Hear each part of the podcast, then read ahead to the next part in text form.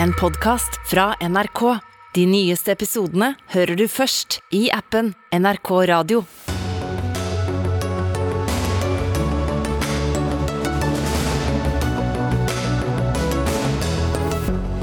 FNs sikkerhetsråd samles til hastemøte i ettermiddag etter nattens kamper ved et kjernekraftverk sørøst i Ukraina. Nå må Norge ruste opp, og det raskt, ber forsker. Nei, mer våpen kan aldri skape fred, protesterer fredsaktivist. Nye avsløringer om Arbeiderpartiets Hadia Tajik. Hun fikk skattefrie leieinntekter som hun skulle ha skattet av. Og russiske barn får ikke spille fotball på Norway Cup i år. De blir uskyldige ofre, kritiserer Redd Barna. Vel møtt til Dagsnytt 18. Mitt navn er Sigrid Solund. Det har vært eh, flere viktige møter i dag hvor den russiske krigen mot Ukraina har vært tema. FNs sikkerhetsråd sitter samlet, det har vært toppmøte mellom EU og USA, og Natos utenriksministre har vært samlet i Brussel, hvor du er europakorrespondent Simen Ekern. Hva kom ut av dette siste møtet? Vel, Nato-utenriksministrene møtes, uh, møttes, og det som kom ut av det, var jo en, uh, nok en fordømmelse av det som har skjedd i Ukraina. Man vedtok ikke det Ukrainas regjering har bedt om, nemlig å opprette en flyforbudssone som Nato skulle håndheve. Ministerne hadde jo også Ukrainas utenriksminister på videolink, eller han hadde lest inn en melding til dem, en melding som var lavmælt, men temmelig dyster, der han takket for eh, støtten og for våpnene eh, Ukraina har fått. Men han sa vi trenger mer, og vi trenger andre typer våpen. Hvis ikke, sa han, er jeg redd eh, at ansvaret for den kommende eh, nedslaktningen av den ukrainske befolkningen vil være eh, noe som hviler også på eh, Natos utenriksministre. Så det var en temmelig sterk tale, men konklusjonen ble jo at man fortsatt ikke kan eller vil sette eh, Nato-styrker inn, fordi dette ikke er en konflikt mellom eh, Nato og Russland, som generalsekretær Stoltenberg igjen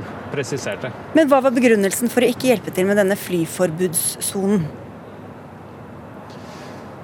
Nei, eh, Begrunnelsen er jo den samme som for å ikke sette tropper inn på bakken. Med en gang man gjør det, så vil man bli nødt til å håndheve det. og Da kan man risikere at man må eh, skyte ned russiske fly. og Til tross for det Stoltenberg beskrev som et eh, smertefullt valg, da, som han jo sa at det var, så er det sånn at smerten og lidelsen og døden vil bli mye større hvis man gjør det. fordi da risikerer man en voldsom eskalering av en krig som kan plutselig involvere langt flere land. Så det er den eh, harde kalkuleringen. Det er ikke eh, mulig for Nato å gjøre det eh, sånn som situasjonen er nå. Så svaret til Ukrainas utenriksminister er nei. Men man gjør jo mer av det man har gjort. Nato-landene enkeltvis gir jo støtte. Forskjellige typer Eh, våpen. I tillegg så understreket Stoltenberg også, som han har gjort på alle pressekonferanser eh, i løpet av denne krigen, at eh, den støtten som gjelder Nato-landene i området, den er på ingen måte åpen for forhandling. Vi vil forsvare hver centimeter av Nato-landenes territorium, sa han. Men det er der det står. I Ukraina så, så, kan ikke og vil ikke Nato gå inn på, på andre måter enn Eh, enn å tilby den hjelpen de, de har tilbudt, og, og, og, kommer til å fortsette å tilby. Og fikk NATO, nei unnskyld, fikk Ukraina noen konkrete løfter om mer um, materiell? Mer militær hjelp? Vel, eh, dette er, jo, eh, dette er, jo, ikke Nato samlet som tilbyr eh, dette materiellet. Den eh, amerikanske nasjonale sikkerhetsrådgiveren eh, sa vel også i en uformell eh, pressesetting på, på, utsiden av møtet at man ikke vil gå inn med for mange detaljer heller, nettopp fordi det er et poeng å, å ikke flagge alt eh, åpent. Men, men, den støtten som, som gis, det, den, det, det, kommer til å være den samme typen støtte som vi har har sett at det ble ikke varslet noen, noen dramatisk endring i hva slags, eh, hva slags militær støtte Ukraina får fra Nato-landene. Utenriksminister Anniken Huitfeldt, eh, du var også med på dette møtet. Hva var Norges eh, budskap? Unnskyld, jeg bare skal si at vi skal komme tilbake til Anniken Huitfeldt. Vi skal til en pressekonferanse med Jonas Gahr Støre og justis- og beredskapsminister Emilie Enger Mehl. På dette i Norge. Ingen av reaktorene ved det kjernekraftverket ble truffet av eh, noe raketter eller noe annet. Det er ingen utslipp av radioaktivt materiale fra dette største kjernekraftverket med seks reaktorer eh, i Ukraina. Men det er skremmende at krigen kommer så nært et atomkraftverk. Det sier noe om det brutale og selvfølgelig totalt uakseptable i den krigføringen som nå finner sted. Og Selv om det ikke er rapportert om utslipp, så er det klart at det at dette skjer, det øker risikoen eh, for ulykker og uhell som da er høyere enn normalt. Og Da er mange i Norge engstelige for atomberedskapen. Mange husker Tsjernobyl for eh, mange år siden, 1986. Og jeg forstår eh, at den bekymringen er der. Derfor er det viktig for meg å si det har ikke vært utslipp i Ukraina. Ukraina ligger 150 eh, mil fra Norge. Det er ingen umiddelbar fare for at Norge rammes. Og vi har god atomberedskap og gode planer om noe skulle skje. Eh, Direktoratet for strålevern og atomberedskap overvåker situasjonen fortløpende. Det er målestasjoner i Ukraina om eventuelle utslipp. De har våre myndigheter tilgang til i sann tid. Så Det betyr at de kan måle og registrere det om det skjer. Og Da vil eh, vi, hvis noe skulle skje, eh, også ha ganske lang varslingstid. Eh, det avhenger av hvor vindene blåser. Men det kan jo være snakk om 30-40 timer og tid til å varsle alle landenes innbyggere. Og Da vil alle få beskjed om hva det er klokt å gjøre. Men som sagt, det er nå ikke fare for at Norge blir rannet. Brannen er i morges har ikke ført til utslipp. Hva som skjer rundt dette atomkraftverket når det gjelder hvem som har kontroll og ikke, det er det vanskelig å si på avstand. Eh, men det er som sagt altså ikke noe som gir eh, uttrykk for at det er eh, utrygghet rundt verket. Så eh, er krigen inne i sitt niende døgn, og de neste dagene blir trolig også svært dramatiske. Som jeg sa i min redegjørelse i går, så ser vi nå bruk av tungt eh, artilleri mot ukrainske byer, og bruk av bl.a. klasevåpen. Som har stor konsekvens for sivile. Og Det er grunn til å tro dessverre, at de sivile tapene kommer til å bli større. Og Bildene er vonde å se fra Ukraina. Eh, selv om sannheten ikke kommer fram alltid, så kommer bilder fram som gjør inntrykk på mange. Eh, og særlig gjør det inntrykk på barn. Og jeg har lyst på å gjenta, som jeg sier til alle voksne, snakk eh, godt med barn. Bruk tid. Det hjelper faktisk til å forstå en vond og vanskelig verden. Og så er det slik at I over en uke så har ukrainske barn og voksne søkt seg til provisoriske bomberom eller lagt på flukt. Eh, framover så vil vi se enda flere mennesker legge på flukt vestover. Eh, over én million har i henhold til FN eh, nå flyktet. Men Høykommissæren for flyktninger forventer at det kan bli flere millioner i, i, i, tiden som kommer, som vil forlate Ukraina. Flere naboland er allerede sterkt berørt av flyktningstrømmen. Håndterer det på en veldig imponerende måte, vil jeg si, under omstendighetene. Men vi kan altså stå overfor den mest alvorlige humanitære katastrofen i Europa siden andre verdenskrig. Og da er det sånn at uh, Under justisministerens ledelse så har Norge jobbet med å forberede seg på dette. Og Det er mye arbeid, grundig arbeid. Og I likhet med europeiske land så har den norske regjeringen i dag besluttet å åpne for å gi midlertidig kollektiv beskyttelse til ukrainske statsborgere. Midlertidig kollektiv beskyttelse, sa altså Jonas Gahr Støre på denne pressekonferansen, som eh, de som vil følge videre, kan gjøre det på nrk.no eller NRK2. Og kommer det nyheter der, så tar vi dem inn i sendinga vår. Utenriksminister eh, Anniken Huitfeldt, eh, statsministeren innledet med å snakke om dette kjernekraftverket i Ukraina, som vi også skal snakke mer om gjennom denne sendinga. Hva er etter ditt syn det mest urovekkende med alt det som skjer nå? at eh, sivilbefolkningen lider, men også at det kan eskalere og ta en retning med utilsikta konsekvenser. Og det er jo nettopp det et sånn potensielt angrep mot atomkraftverket kan ha, at det lekker ut radioaktivt avfall. og Dette er jo helt klare brudd på FN-pakten. Men det kan også skje andre utilsikta konsekvenser når spenningen er så spent som den er nå. Akkurat nå sitter FNs sikkerhetsråd i et hastemøte som Norge har vært med å ta initiativ til. Så vet jo alle at Russland har vetorett i dette rådet. Hva kan komme ut av dette møtet? Ja, Det kan allikevel komme mye ut av dette. for Det har vist seg eh, i FN at det er en veldig sterk fordømmelse av de russiske handlingene. Det er veldig få land som nå støtter Russland. Og det at Eh, det kan ha blitt, et, eh, blitt, en ulykke, en potensiell ulykke mot et atomkraftverk, det forsterker jo dette inntrykket av en part som er totalt hensynsløs. Så jeg mener at det har betydning uansett eh, om man kommer fram til noen felles uttalelser eller ikke. Natos generalsekretær Jens Stoltenberg holdt pressekonferanse tidligere i dag, der spørsmålene fra svenske og finske journalister handlet mye om hvordan han så på muligheten for at Russland kan angripe disse landene, som altså ikke er medlemmer av Nato, er det en berettiget frykt, tror du? Nei, ikke nå. Eh, og det er eh, slik at eh, Ukraina Det er jo noe som Russland tidligere også har gjort hevd på, helt uberettiget. De har jo skrevet på avtaler om at de respekterer Ukrainas suverenitet, men Sverige og Finland er i en annen kategori.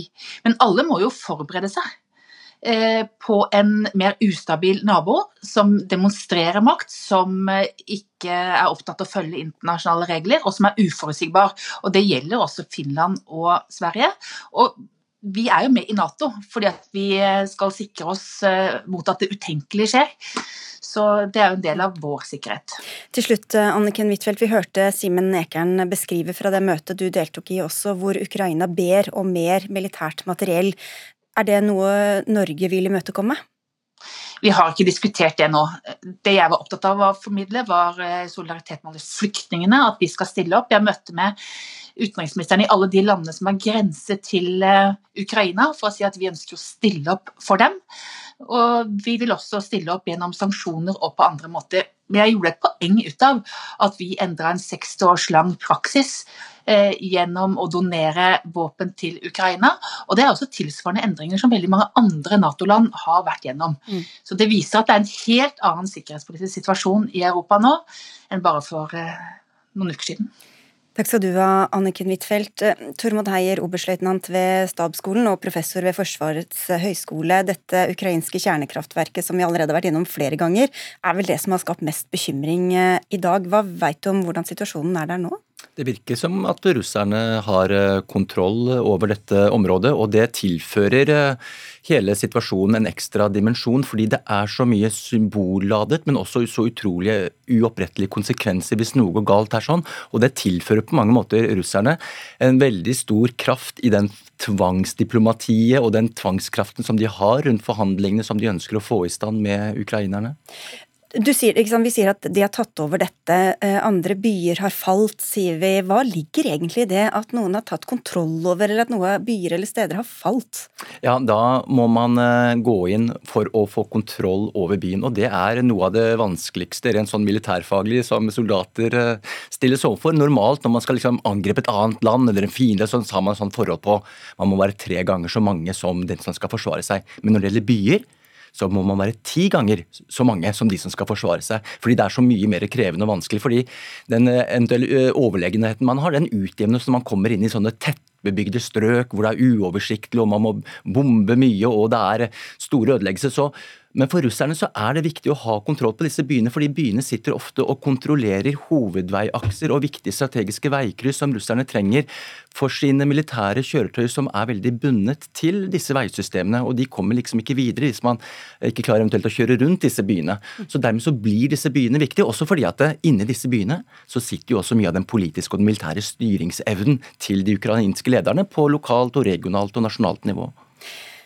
Vi skal eh, tilbake til dette kjernekraftverket litt senere i sendingen og snakke også om farene for Norge, men til det politiske her også. Tor Bukkvold, du er sjefforsker ved Forsvarets forskningsinstitutt.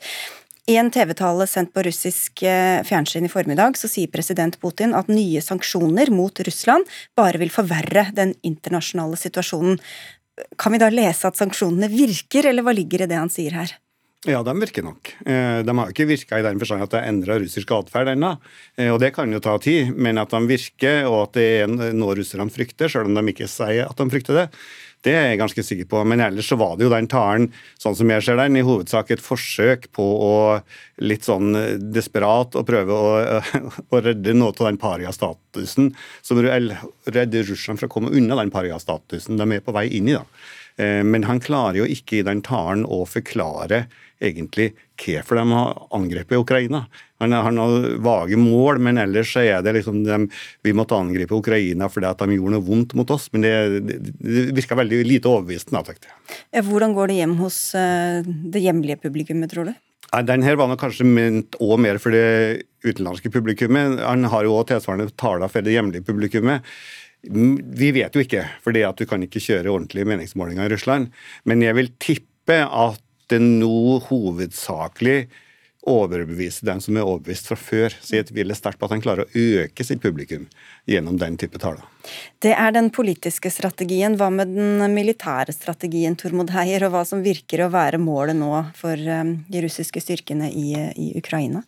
Ja, Det virker som at det, viktigste er fremdeles å få tatt det viktigste tyngdepunktet i Ukraina, hvor liksom mye av forsvarsviljen skapes og holdes ved like, over også hvor den militære samordningen har sitt senter, og det er i hovedstaden Kiev.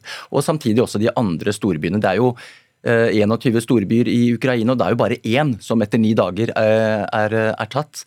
Eh, og jeg tror det at det å få kontroll på disse byene, det blir viktig. Men de har nok feilet, eh, disse russerne. De hadde nok trodd at de skulle få en rask eh, seier de første par dagene, men det viste seg at det gikk ikke bra å få tatt et raskt regimeskifte i, i, hovedstaden. Og da har man nå virket som har endret strategi som virker mye mer gammeldags, sånn som jeg er vant til å se russerne fra den kalde krigen, med mye tunge kolonner og massiv fremføring med mye bombing av byene. og det er ikke det som vi kanskje trodde, etter at de har eh, sett veldig nøye på hvordan amerikanerne har ført bombing og krigføring i bl.a. Irak i 2003. Og denne utviklinga, Bukkvold, hvordan kan det også spille inn på disse forhandlingene, som jo tross alt pågår fortsatt, som Heier også nevnte litt i stad? Ja, det er nok en ganske direkte sammenheng, tror jeg, mellom måten forhandlingene går på og hva som skjer på bakken. For det er klart at dess bedre du gjør det militært på bakken, dess sterkere føler du deg i forhandlingene, og dess mindre er du villig til å inngå kompromiss.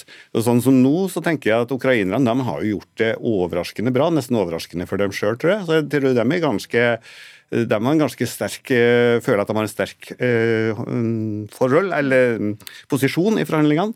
Mens russerne eh, nok ennå ikke er der at de innser fullt hvor dårlig det har gått, og at de kanskje tenker fremdeles at vi skal kunne ta inn at det som Tormod nevnte som, eh, som problemet til å begynne med. Så Derfor så tenker jeg at begge parter nå ikke er spesielt kompromissvillige, men samtidig så fortsetter de forhandlingene, som vil må være positivt likevel.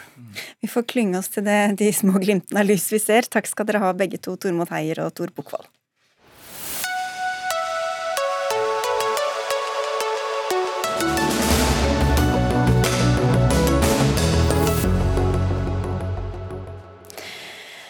Ja, norske kommuner bør gå gjennom planene sine for å kunne gi barn og unge jodtabletter, sier Helsedirektoratet. Det skjer etter altså det vi har nevnt allerede flere ganger, at det begynte å brenne like ved Europas største kjernekraftverk sørøst i Ukraina. Noe som har ført til frykt for et større radioaktivt utslipp.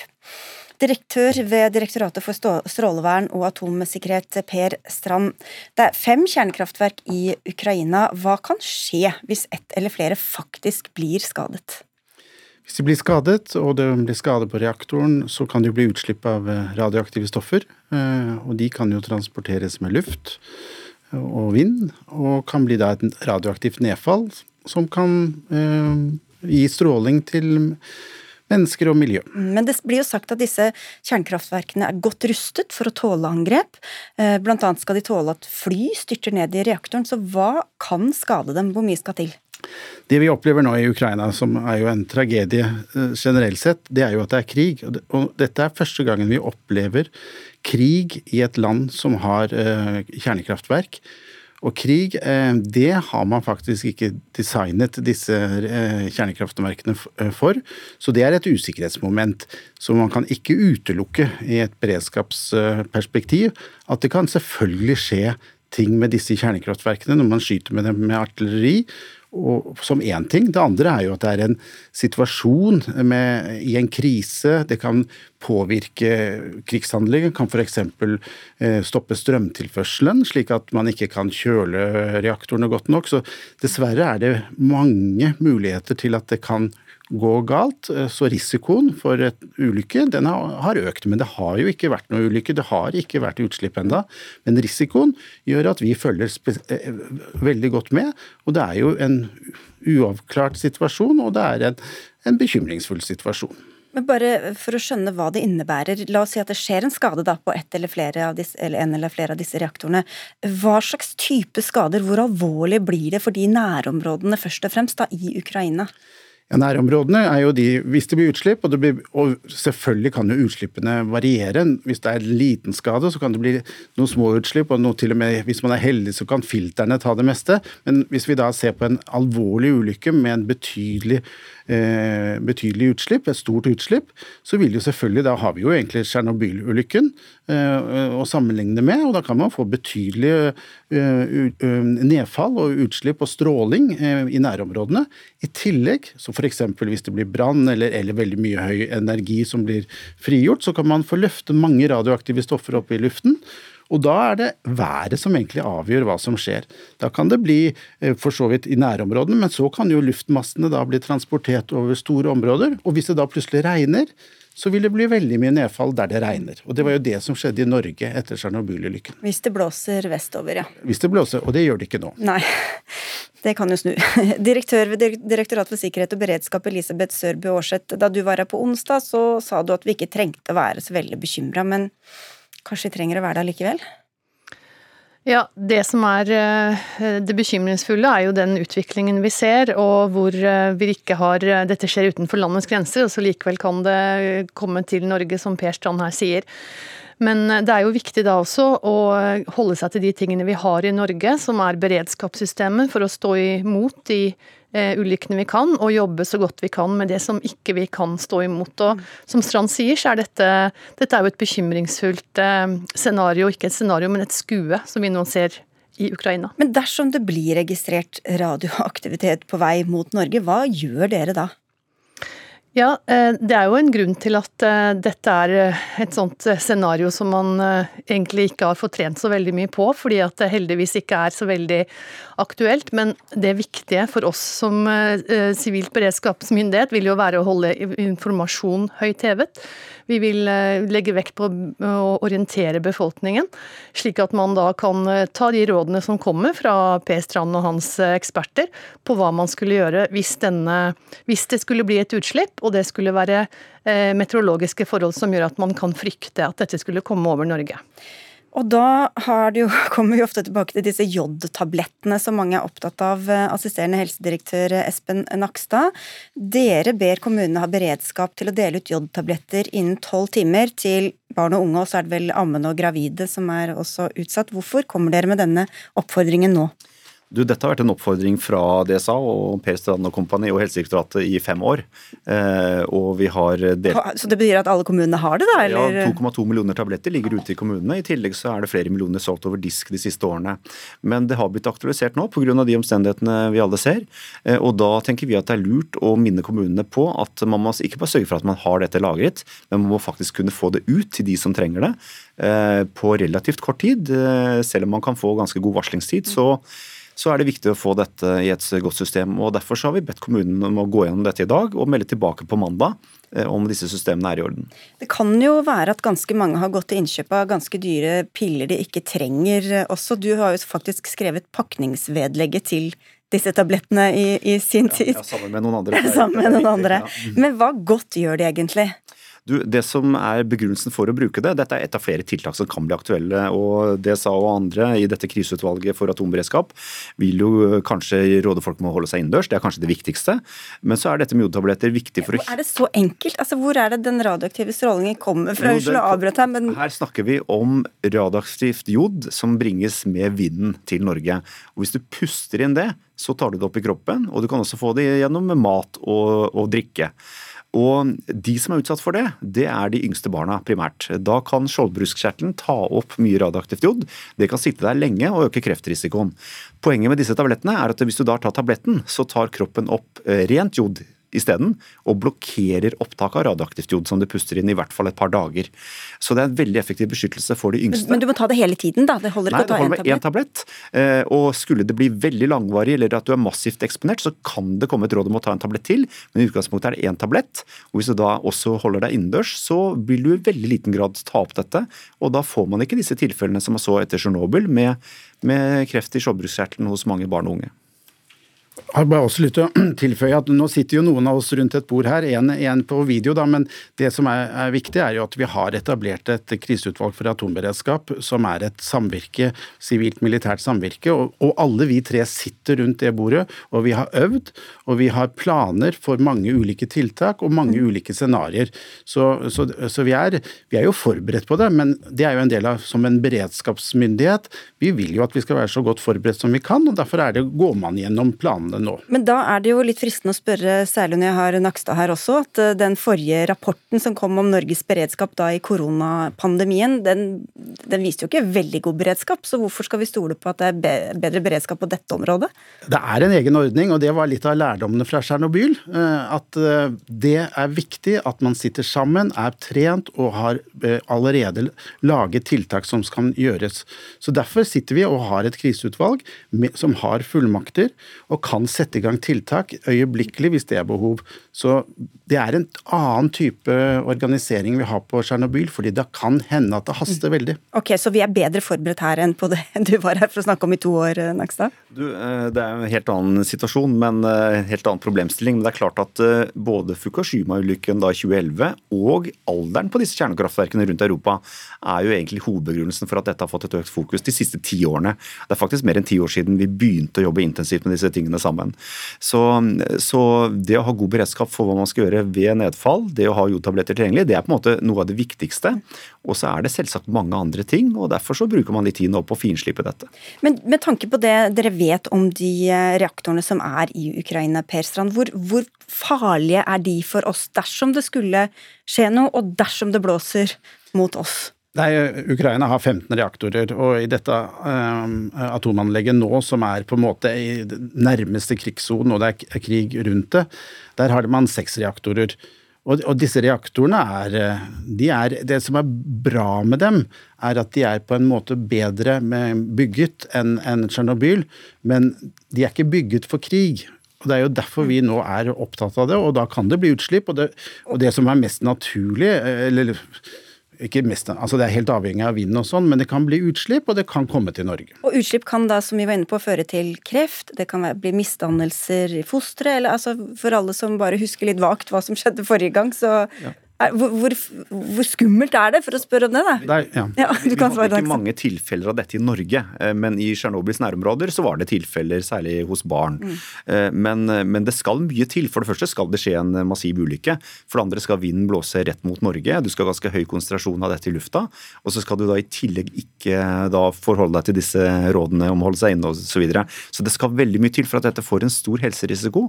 Men, og sannsynligheten er liten for at noe vil skje, men likevel så tenker vi at det er lurt nå å, å, gå gjennom dette og være forberedt hvis det skulle bli aktuelt.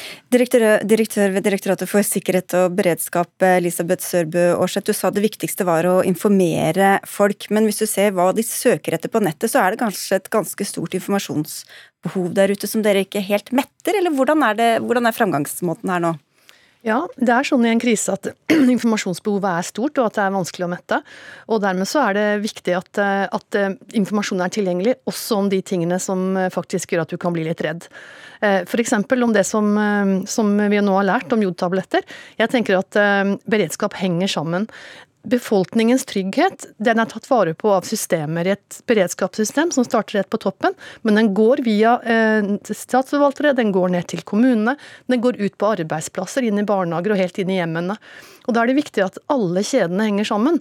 Og Istedenfor bare å tenke på ett scenario, så må vi i hvert fall bygge rundt, slik at hvis det skulle skje, det verste skulle skje, selv om det er svært lite sannsynlig, så er den andre beredskapen da godt ivaretatt, godt øvd, helt inn, eh, ja, helt inn i stua til folk. Takk skal du ha, Elisabeth Sørbø Aarseth, og takk også til deg, direktør ved mm, Direktoratet for strålevern og atomsikkerhet, Per Strand, og til assisterende helsedirektør Espen Rostrup Nakstad.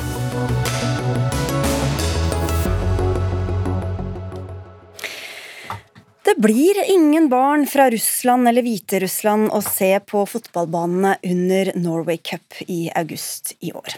Norway Cup er verdens største fotballturnering for barn og samler tusenvis av barn og ungdommer over, nei, fra over 100 land i Oslo hvert år. Men denne uka sa Norway Cup nei til påmeldinger fra russiske og hviterussiske lag, og følger dermed linja til Norges idrettsforbund. Monica Sydgaard, du er leder for Redd Barnas eh, Norgesprogram. Dere sier at dette er en gal beslutning. Hvorfor er det det? Ja, Vi mener det. Vi ble veldig overraska da vi hørte om den beslutningen i går at russiske og hviterussiske barn skal bli utestengt fra Norway Cup. Og det handler om at eh, russiske barn ikke har noe som helst skyld i den krigen her. Og vi mener at eh, de indirekte blir straffa eh, for det myndighetene gjør ved å ikke få lov til å være med. Redd Barna vi har jobba med barn i krig over, eh, i over 100 år, og vi merker at gang på gang på gang så blir barn og unge stilt ansvarlig for det myndighetene gjør, og det mener vi at det ikke bør skje i dette tilfellet her, at de blir indirekte straffa. Vi mener det må være mulig å skille mellom voksne og barn. Vi mener også det må være mulig å skille mellom toppidrett og breddeidrett. Altså, dette er ikke barn som kommer med flagget på brystet, dette er barn som skal komme til idrettsglede og fellesskap. og da bør man kunne inkludere russiske barn også. Men at uskyldige lider i en krig, eh, det er vel en del av krigens natur? Det er en del av krigens natur, men eh, det er den store forpliktelsen som alle myndigheter og alle voksne har til å beskytte barna så stor grad som mulig, og passe på at ikke de blir holdt ansvarlige eller blir straffa. Pål Trellvik, generalsekretær i Bekkelagets sportsklubb og Norway, Club, Norway Cup. Hvorfor skal barn utestenges fra, denne, fra idretten fordi noen voksne gjør så forferdelige ting? Jeg har lyst til å starte med den store historien. Altså, det er gjort et embargo på veldig mange områder, idretten inkludert, som i utgangspunktet ønsker å stanse Putins forferdelige slaktinger av det ukrainske folket. Nummer to så tar idretten på tvers av veldig mange idrettsgrener beslutninger på veldig kort tid. Vi er på tolvte dagen av krigen, ni dager siden det første vedtaket kom, og sånn har det gått i et voldsomt tempo. Det tredje jeg kan si, det er på en måte at for oss er det viktig at alle skal med. Vi har god tradisjon for å ha med både irakiske fotballspillere fra krigsherjede områder. Jeg har selv vært i Mali og flere andre steder på vegne av Norway Cup og truffet både spillere og utøvere som skal komme til landet vårt. Denne gangen så er det fattet et vedtak. I dag har jeg brukt mye tid sammen med Norges idrettsforbund for å sette oss ned i fellesskap og si var det meningen at dette embargo, skråstrek dette vedtaket, skulle gå utover absolutt alle, eller er det slik at vi må sette oss ned fornuftig og snakke sammen? For vi ønsker jo at alle skal komme. Vi har hatt alle mulige slags nasjoner hos oss, og elsker jo at de kommer til oss, og elsker å la de møte hverandre i vennlig kappestrid som fotball er. Sigurd? Ja, Vi håper virkelig det at Norges idrettsforbund og dere kan ta en ekstra runde nå og rett og slett snu i, i saken. og Det handler også om å gjøre en god barnerettslig vurdering. Nå var eh, Norges institusjon for menneskerettigheter menneskerettigheter ute i dag, også at dette kan være et brudd på barns rettigheter. For når man skal ta sånne beslutninger som får negative konsekvenser for barn, så må man vurdere konsekvensene om det er til barnets beste å tillegge det vekt. Og man må legge vekt på om en forskjellsbehandling er formålstjenlig. Hvis formålet er å stanse krigen i Ukraina, så vil jeg tro at det tiltaket her står veldig langt fra å oppnå det formålet. Og da har man heller ikke mulighet til å forskjellsbehandle. Så ta en skikkelig god barnerettighetsvurdering også. Ja, da, ja, ja i denne saken? Kan gi deg absolutt rett i det. Jeg skal ikke diskutere barnerettslige problemstillinger. Men som jeg sier i utgangspunktet, vi ønsker at alle skal med. og Vi har en tradisjon over 50 år. Det høres ut som du egentlig ikke er enig i den beslutningen som er fattet? Jeg er ikke enig i konsekvensen av det. når vedtaket kommer, så stiller man lojalt i forhold til det vedtaket. Det er et vesentlig del i alle styringsstrukturer. Men det er et eller annet med at fornuften må fange også oss og Norges idrettsforbund og samarbeide med dem. Og vi må sette oss ned sammen med regjeringsstrukturer og med de partene som nå diskuterer dette, for å finne fornuftige løsninger. For vi skal også hensynta ukrainske barn, som også kan dukke opp i Norway Cup. og Vi skal da dukke opp med russiske og ukrainske barn i den samme turneringen. Og dette er ikke så enkelt å bare si det ene eller det andre. Jeg bare nevner at Vi inviterte Norges idrettsforbund, som mente det var for tidlig å stille til eh, denne debatten. Men Sygård, dette er vel det er fra 13 år og oppover man kan komme eh, og spille, så det er jo strengt tatt ungdommer, da, og noen av dem er jo så gamle at de kan kunne kriget for, for Russland. Jeg tror vi er på ganske så ville veier hvis vi nå er, eh, går langs en sti der vi tenker at vi skal mistenkeliggjøre russiske barn og unge for å være farlige. Nei, det var ikke det jeg mente, men jeg bare mener at de er jo altså de er gamle nok til å, til å f.eks. Eh, være med i andre eh, VM eller andre OL og sånne ting som, som på linje med voksne, som, som, jeg, ja, som du vel mener at skal utestenges, eller skal alle inkluderes? Her mener vi at det er veldig viktig å kunne i det minste skjerme breddeidretten. At eh, alle organisasjoner eh, og krefter i samfunnet nå ser på hvordan kan vi skjerme kultursamarbeid, eh, fritidssamarbeid, samarbeid innen idretten der barn og unge eh, kommer sammen uten at de kommer og skal representere nasjonene sine. Og så må vi bare huske på at FNs barnekonvensjon er det som eh, vi er enige om i hele verden at definerer hva et barn er, og det er opp til 18 år. Så vi må på en måte ikke nå begynne å skli på at vi begynner å mistenke barn og unge, eller at vi begynner å glemme at de faktisk er barn. Det var absolutt ikke min mening å mistenkeliggjøre noen, det var mer det aldersaspektet eh, som, som, som vel også var et poeng her, kanskje. Ehm, men Trellvik, hva, hva, ser du for deg at kunne vært nedsiden, eller det dumme, da, dersom hviterussiske og russiske ungdommer fikk komme og spille? Det vanskelige er jo at vi skal forutse hva slags mottagelse det russiske laget får. Når man leser aviser om at lille Igor kommer hjem fra barnehagen sin og i utgangspunktet sier at de andre barna ikke liker han lenger fordi han er russisk. Hvorfor liker de ikke fra russisk? Fordi vi dreper uk ukrainere. Så ser vi på en måte at dette har et ganske stort spill også utover at laget kommer her. Og Vi vil jo at de skal komme til oss, føle seg trygge og bli oppført, at vi oppfører oss på en ordentlig måte. Dette er et dilemma vi er nødt til å diskutere med flere enn oss. Vi må diskutere det med både myndighetspersoner og organisasjonene som sitter på andre siden av bordet her. For dette her er ikke så lett. Og Jeg ser for meg en sånn fryktinngytende situasjon hvor et uh, russisk lag skal møte et annet lag, og så snur det laget ryggen til når spillet skal starte. Da er vi jo i gang med at det laget som kommer her uten å vite at de kunne vært beskyldt for å være en del av dette krigshelvetet, så plutselig reiser de hjem igjen og sier at jøss, vi fikk visst litt skylda for det. Det er jo uverdig behandling av barna. Og jeg er helt enig med Barnekonvensjonen at det er til de 18 år. Ja, du, krevende... har, har, du den eh, bekymringen også? For... Nei, jeg forstår at det er en, en, problemstilling man må forberede seg på, og også jobbe ekstra. Jeg håper Norway Cup også kan få ekstra ressurser til å virkelig forberede godt med alle lagene, sånn at man er bevisst på Men der har jo Norway Cup en så stolt tradisjon, på, ja. og som man kan spille på, at her kommer barn og unge, uansett hva slags bakgrunn vi har, uansett ja. hva slags konflikter vi er i. Vi skal, vi skal, straks avslutte, men bare eh, til slutt, Sydgård. Altså, poenget med dette er jo å presse Russland, russiske myndigheter.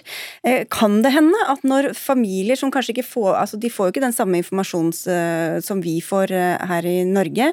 At det da går opp for dem hva, det, hva Russland faktisk er involvert i. Og Det er derfor jeg tenker at det hadde vært positivt om Norway Cup også hadde fått eh, drahjelp fra et eh, prinsippvedtak fra Idrettsforbundet og styrende organer på at eh, dette her skal være en arena som er åpen for alle. og Det er ikke noen forventninger om at noen skal utestenges, sånn at man også kan kommunisere det til alle familiene til de som skal delta. Det er jo det også Idrettsforbundet inviterer til, så vi må bruke tiden i de nærmeste dagene og kanskje en uke eller to for på en måte å komme fram til dette og tørre å diskutere alle problemstillinger rundt det for å bli enige om nettopp det du sier der. Så det høres ikke ut som det er helt hugget i sten riktig ennå? Slettes ikke. Takk skal dere ha begge to. Pål Trellvik, generalsekretær i Bekkelaget sportsklubb og Norway Cup, og Monica Sydgaard, leder for Redd Barnas norgesprogram.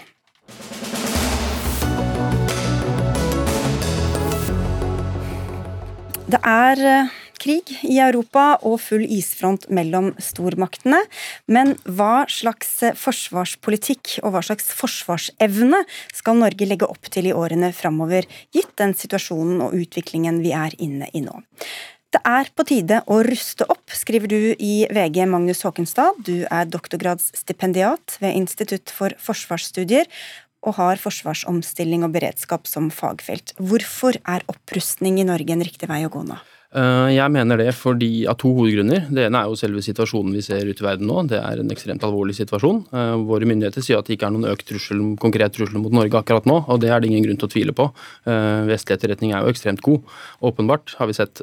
Men vi vet ikke hvordan dette kommer til å utvikle seg. Vi vet ikke hvor lenge det vil vare. Vi må ta høyde for, mener jeg, at vi kan bli stående i en kritisk situasjon ganske lenge. Og da mener jeg at det krever en økt satsing på både militær og sivil beredskap og samfunnssikkerhet generelt. Det er det det ene. Det andre er at Forsvaret, sånn som det er i dag, er ikke helt på høyde dessverre med denne situasjonen. Det er mye bra og mye moderne og flott i Forsvaret, men det har en del mangler. Og de planene man jobber etter i Forsvaret, er veldig lange planer. og sånt. De inneværende langtidsplanene er der skal man styrke Forsvaret eh, slik at vi i løpet av de neste åtte år får et forsvar som eh, skal håndtere situasjoner som er mindre alvorlig vil jeg si, enn det vi ser nå. Mm.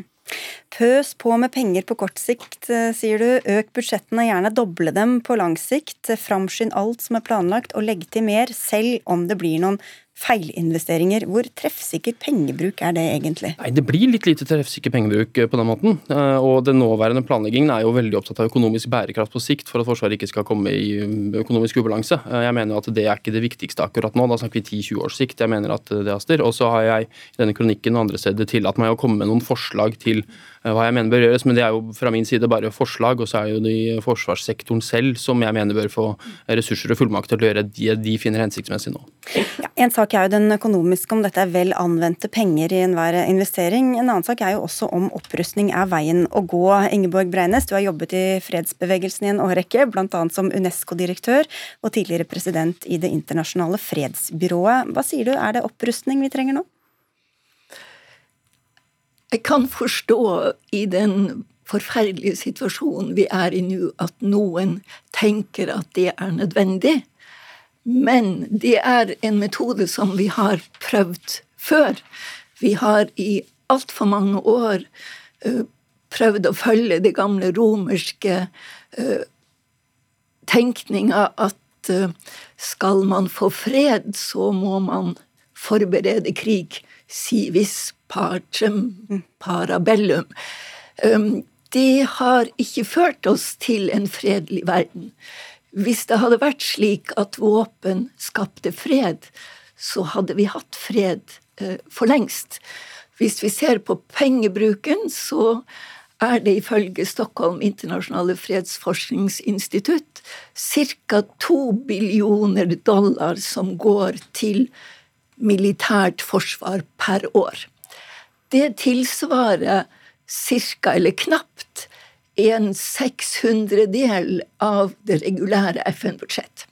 Vi har tross alt etablert et FN-system som skal hjelpe oss til å bygge fred med fredelige midler. Og hvis du tar enkelt eksempel og sier at åtte dager av verdens militærbudsjett er er nok til å gi gratis kvalitetsutdanning i tolv år til alle verdens barn. Da mener jeg at vi har prioritert utrolig galt. Mm. Ta det, Håkenstad. Er det, er det dette vi skal bruke penger på? Eh, jeg vil jo først bare si at Vi er jo helt enig i målsetningen her. Altså å unngå krig, unngå, eller unngå mer krig, og i hvert fall unngå krig i Norge. Eh, og så er vi uenige om virkemidlene. da. Akkurat når det gjelder eh, pengebruken, der kjenner jeg mest til det norske tilfellet.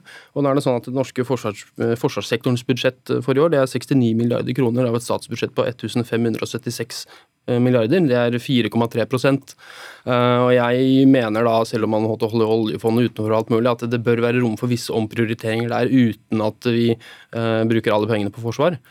Uh, og så vil jeg også da bare skyte inn, siden vi er på de romerske uh, munnhellene, at, at uh, jo, jeg kjenner veldig godt til den, men jeg vil ta opp en annen nå. Det er jo litt mer det som russerne driver med Ukraina i dag. De, de, de lager en ørken og kaller det fred. Ja, for det er jo noe med det, Breines, at vi kan jo godt si at vi, at vi vil ha fred, men så lenge andre ruster opp, så virker det ganske risikabelt å ikke gjøre det samme? Det er risikabelt med våpenbruk. Jo mer våpen vi har, jo mer risikabelt blir det. Og jeg opplever det som naivt å tro at man skal løse dype politiske konflikter med militære midler.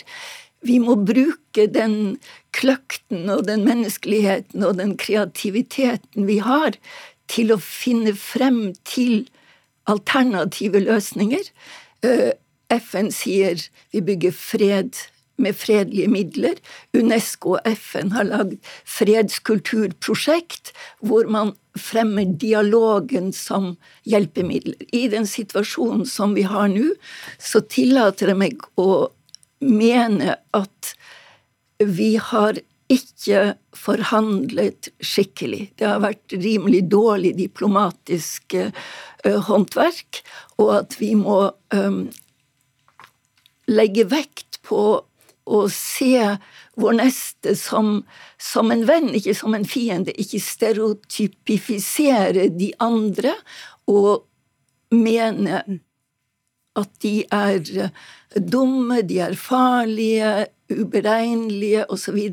Hvis vi ikke klarer å bygge tillit til hverandre, så vil dette fortsette i en uendelig opprustningsspiral som aldri blir nok hvis ingen Nei, stopper den. Hvis vi plukker opp den, Håkenstad, for det er jo sånn eh, Du skriver et innlegg også i Trønderdebatt at det er vanskelig å finne gode argumenter mot opprustning. Men hva med denne spiralen at, at når f.eks. Russland ser at vi ruster opp, så vil de ruste opp, og så vil vi ruste opp. Vi klarer jo aldri å få nok, godt nok forsvar eh, i lille Norge til å, til å, forsvare oss selv uansett? Nei, Det kommer an på hvordan man definerer godt nok. Men, men først vil jeg si at, at, jeg er jo helt for godhet mellom mennesker og ikke gjøre fiendtlige stereotypier av uh, andre osv. Men nå er det nå engang slik her i denne situasjonen at det er eh, regimet i et mektig naboland som nå opptrer ekstremt fiendtlig mot Ukraina. Og generelt over lang tid har opptrådt eller vist og handlet som om de er veldig fiendtlig innstilt til nesten alt vi holder på med her i Vesten, inkludert demokrati, menneskerettigheter, uh, frie valg osv. Det er det ene. Uh, rustningsspiralen. Uh, ja, det er jeg prøvde å gå gjennom alle motargumentene, tenke på alle motargumentene, og det er etter mitt syn det vektigste motargumentet i akkurat den situasjonen her. Fordi man risikerer å havne i en situasjon at, at Russ, uh, Russland, eller den russiske staten, nå oppfatter det som uh, ikke skjer ja, i Tyskland særlig, da, hvor de plutselig kaster seg rundt og skal ruste opp veldig, og også andre land oppfatter det som rettet mot seg selv. Det er det jo åpenbart. Um, så der mener jeg at vi må Jeg mener jo fortsatt at vi må styrke norske forsvaret, men det må gjøres på en klok, på en klok måte. Og det, vi har god erfaring med å balansere det som heter avskrekking og beroligelse. og, og og finne måter å gjøre det på som ikke er åpenbart eh, truende eller eskalerende. Vi står i dag overfor en rekke eksistensielle trusler. Vi har miljø- og klimakrise, som Forsvaret er en av de største bidragsyterne til.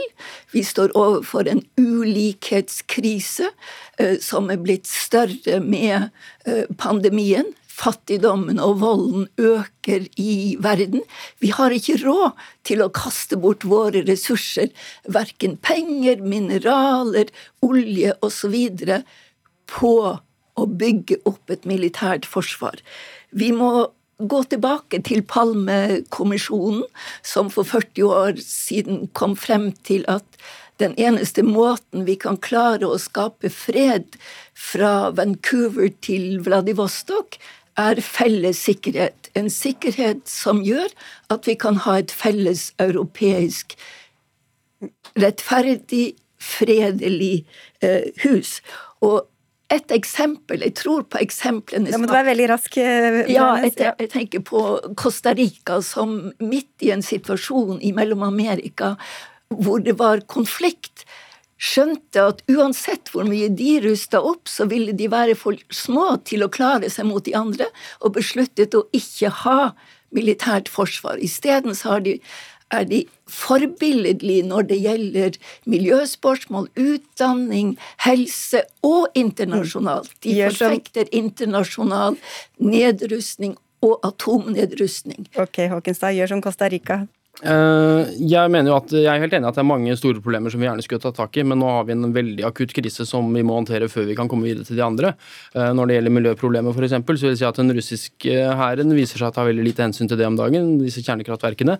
Eh, Russland, Europa, Russland har stor innflytelse, vil ikke komme godt ut av klimakampen, for Russland er en klimaversting. Og Costa Rica står, om ikke jeg tar helt feil, under beskyttelse av den amerikanske staten og også det amerikanske militæret. Dere, vi må avslutte, men bare helt, helt til slutt, Breines, hvis noen oppfattet oppfattet at du var litt sånn overkant unnskyldende overfor Putin, så vil du kanskje korrigere det, eller?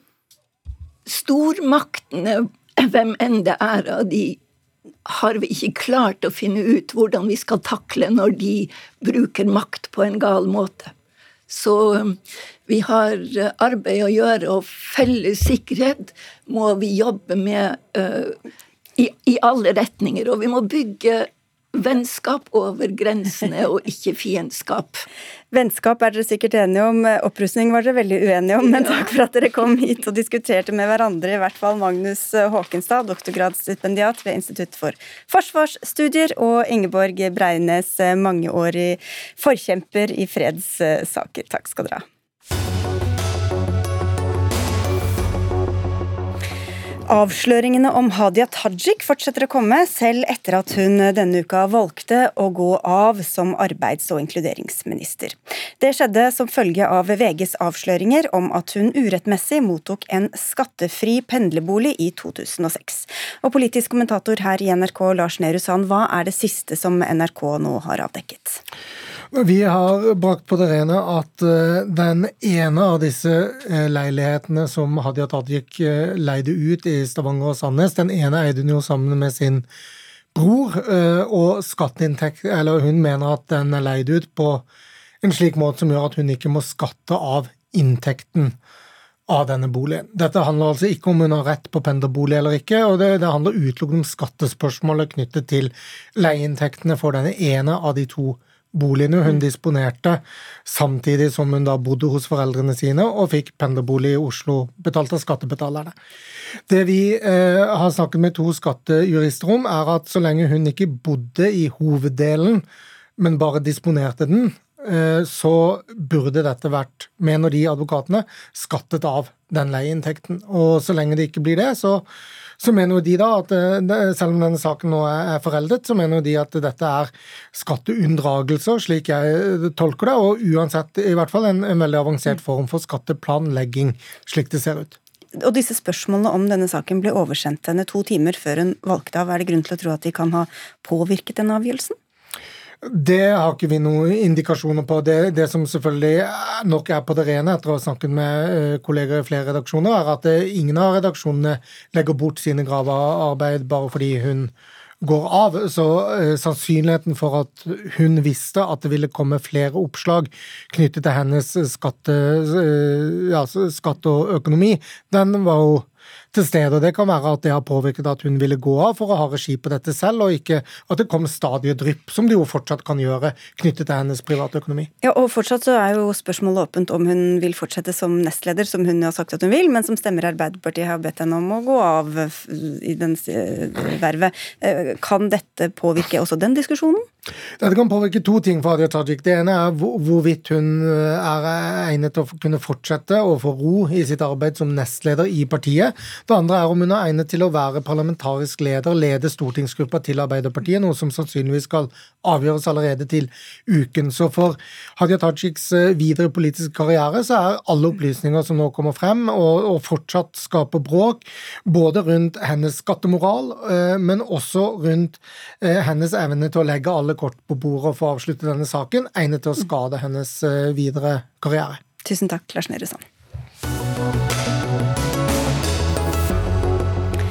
I begynnelsen av Dagsnytt 18 hørte vi at den norske regjeringa åpner for midlertidig kollektiv beskyttelse til ukrainske flyktninger, og dem er det mange av. Nå forbereder flere norske kommuner seg på å ta imot nettopp disse flyktningene. En av dem som allerede har begynt å ta imot mennesker, er dere i Grimstad, hvor du er ordfører, Beate Skretting. Hvordan har dere tatt imot ukrainerne som er kommet til dere? De ukrainerne som er kommet så langt, de er nå foreløpig bosatt hos eh, bekjente. De er kommet hit fordi de hadde tilknytning til Grimstad fra før. Eh, men kommunen har eh, iverksatt de tjenestene som normalt jobber med bosetting av flyktninger etter avtale med IMDi, og, og nedsatt en arbeidsgruppe der som nå vil bistå fra kommunens side. Alexander Goldning, du er avdelingsleder eh, ved Caritas Norge, som er Den katolske kirkes eh, hjelpeorganisasjon, og dere har eh, vært i Ukraina i mange år. Hva må norske kommuner og norske folk være oppmerksomme på etter hvert som det kommer mennesker fra Ukraina hit?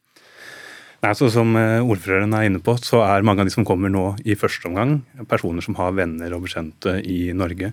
Og Tidligere i dag så snakket jeg også med et ektepar som akkurat hadde fått besøk av sin svigerfar, nei, sin svigerdatter og, og, og andre familiemedlemmer. Og jeg tror vi må huske på at nå kommer det mennesker som er eh, først og fremst i en situasjon hvor de tror at dette er en midlertidig og kortvarig konflikt, som er forberedt på å reise tilbake raskt. Og i de vi snakker med, så, så, opplever vi jo det at det må vi ha en respekt for. og det skal Vi på en måte, vi skal ikke ta fra dem det håpet nå. Samtidig så er det viktig å drive med en god realitetsorientering og passe på at de blir ivaretatt der de er.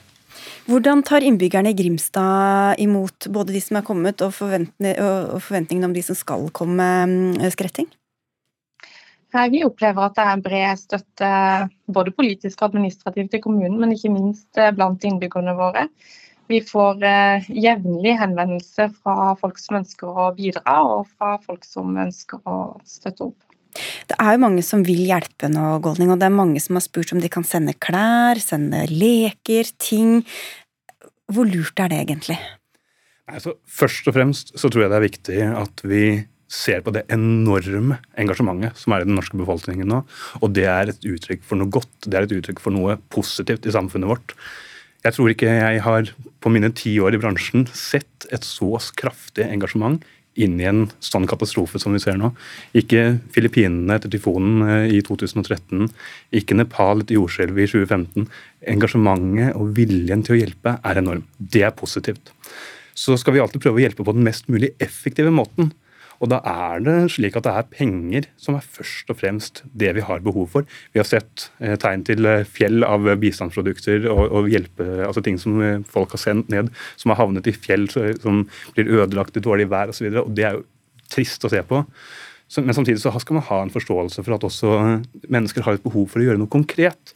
Og gjøre noe fysisk og liksom gjøre noe som er håndfast. Og det må vi prøve å finne gode kanaler å, kanalisere gjennom. Men dette skal jo sorteres og behandles, og kan det gjøre mer skade enn gagn, nærmest, å drive og sende av gårde lastebiler med ting og tang? Ja, det kan det. det. det. er jo det som er risikoen her. Og det kan også blokkere og, og gjøre ting vanskeligere. Og, og, så er det noe med at vi vil gjerne støtte opp om den lokale økonomien. Vi kan ofte få tak i bistandsorganisasjoner produkter en rimeligere pris enn det man greier å skaffe i Norge. ikke sant? Så det er noe med at vi skal jobbe effektivt. Og veldig ofte det man gjør, er jo at man gir cash til de som har et hjelpebehov, slik at de selv kan gå ut på markedet, slik at de selv kan gå ut til, liksom, i butikkene og handle det de trenger. Og Det er også en måte å bemyndiggjøre personer på og vise dem respekt. Altså, dette er det mennesker som er vant til å handle sin egen mat. Og det å plutselig få servert en eh, pakke med knekkebrød, det er kanskje ikke det de har, eh, har mest lyst til. Hvordan står det til med givergreden eh, i Grimstad, Beate Skretting? Den er veldig stor, både blant innbyggerne, men også blant næringslivet. Vi får eh, jevnlig henvendelser fra mange som ønsker å bidra, med alt fra eh, bostedsmuligheter, leiligheter, hus eh, som de kan bidra med. Utstyr. Og det har også vært en del lokale innsamlingsaksjoner. Både utstyr, men ikke minst også pengeinnsamlinger. Så de som vil hjelpe Alexander Goldning, men ikke veit hvordan, hva, hva, vil du råde i? Altså, ta kontakt. Altså, i Caritas så er vi på bakken i Ukraina, i nabolandene Ungarn, Polen. Eh, ta kontakt med oss, spør hva behovene er. Svaret du ofte vil få, er at først og fremst så er det cash, men ikke begynn å sende av gårde store forsendelser uten at du vet og er sikker på at dette her er noe som man har behov for, og at det er et apparat til å ta imot det der du sender det. For da unngår man at uh, man, man kaster bort uh, mye viktig og god, godt initiativ. Og dessverre så er det jo også noen som prøver å sko seg på sånne kriser, så man skal kanskje også være litt obs på litt sånn useriøse innsamlingsaksjoner, eller? Ja, jeg er veldig glad at vi har blitt nedringt av mennesker som vil hjelpe oss de siste dagene, og jeg er veldig glad for det. Eh, og en del av de stiller jo også spørsmål. Eh, er dere på bakken? Ikke sant? Har dere aktiviteter gående? Vi kan svare positivt på det, men, men det er jo et godt tegn, da, at man i hvert fall er skeptisk til, til, til, organisasjoner som samler inn penger, eller aktører som samler inn penger. Et godt råd er alltid å sjekke innsamlingskontrollen, f.eks. For, eksempel, for å sjekke om dette er en seriøs organisasjon som har kontroll i, i eget hus. Og nå åpner altså den norske regjeringa for midlertidig kollektiv beskyttelse av eh, ukrainske flyktninger, så da kan det hende at vi alle blir kjent med noen etter hvert. Takk skal dere ha for um, dette, Beate Skretting, ordfører i Grimstad, og Alexander Golding fra Caritas Norge. Dagsnytt 18 tar uh, helg, og takker for følget fra Odd Nytrøen, Ragnhild Bjørlykke og Sigrid Solund.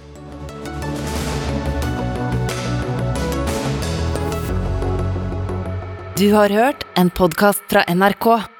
De nyeste episodene og alle radiokanalene hører du i appen NRK Radio.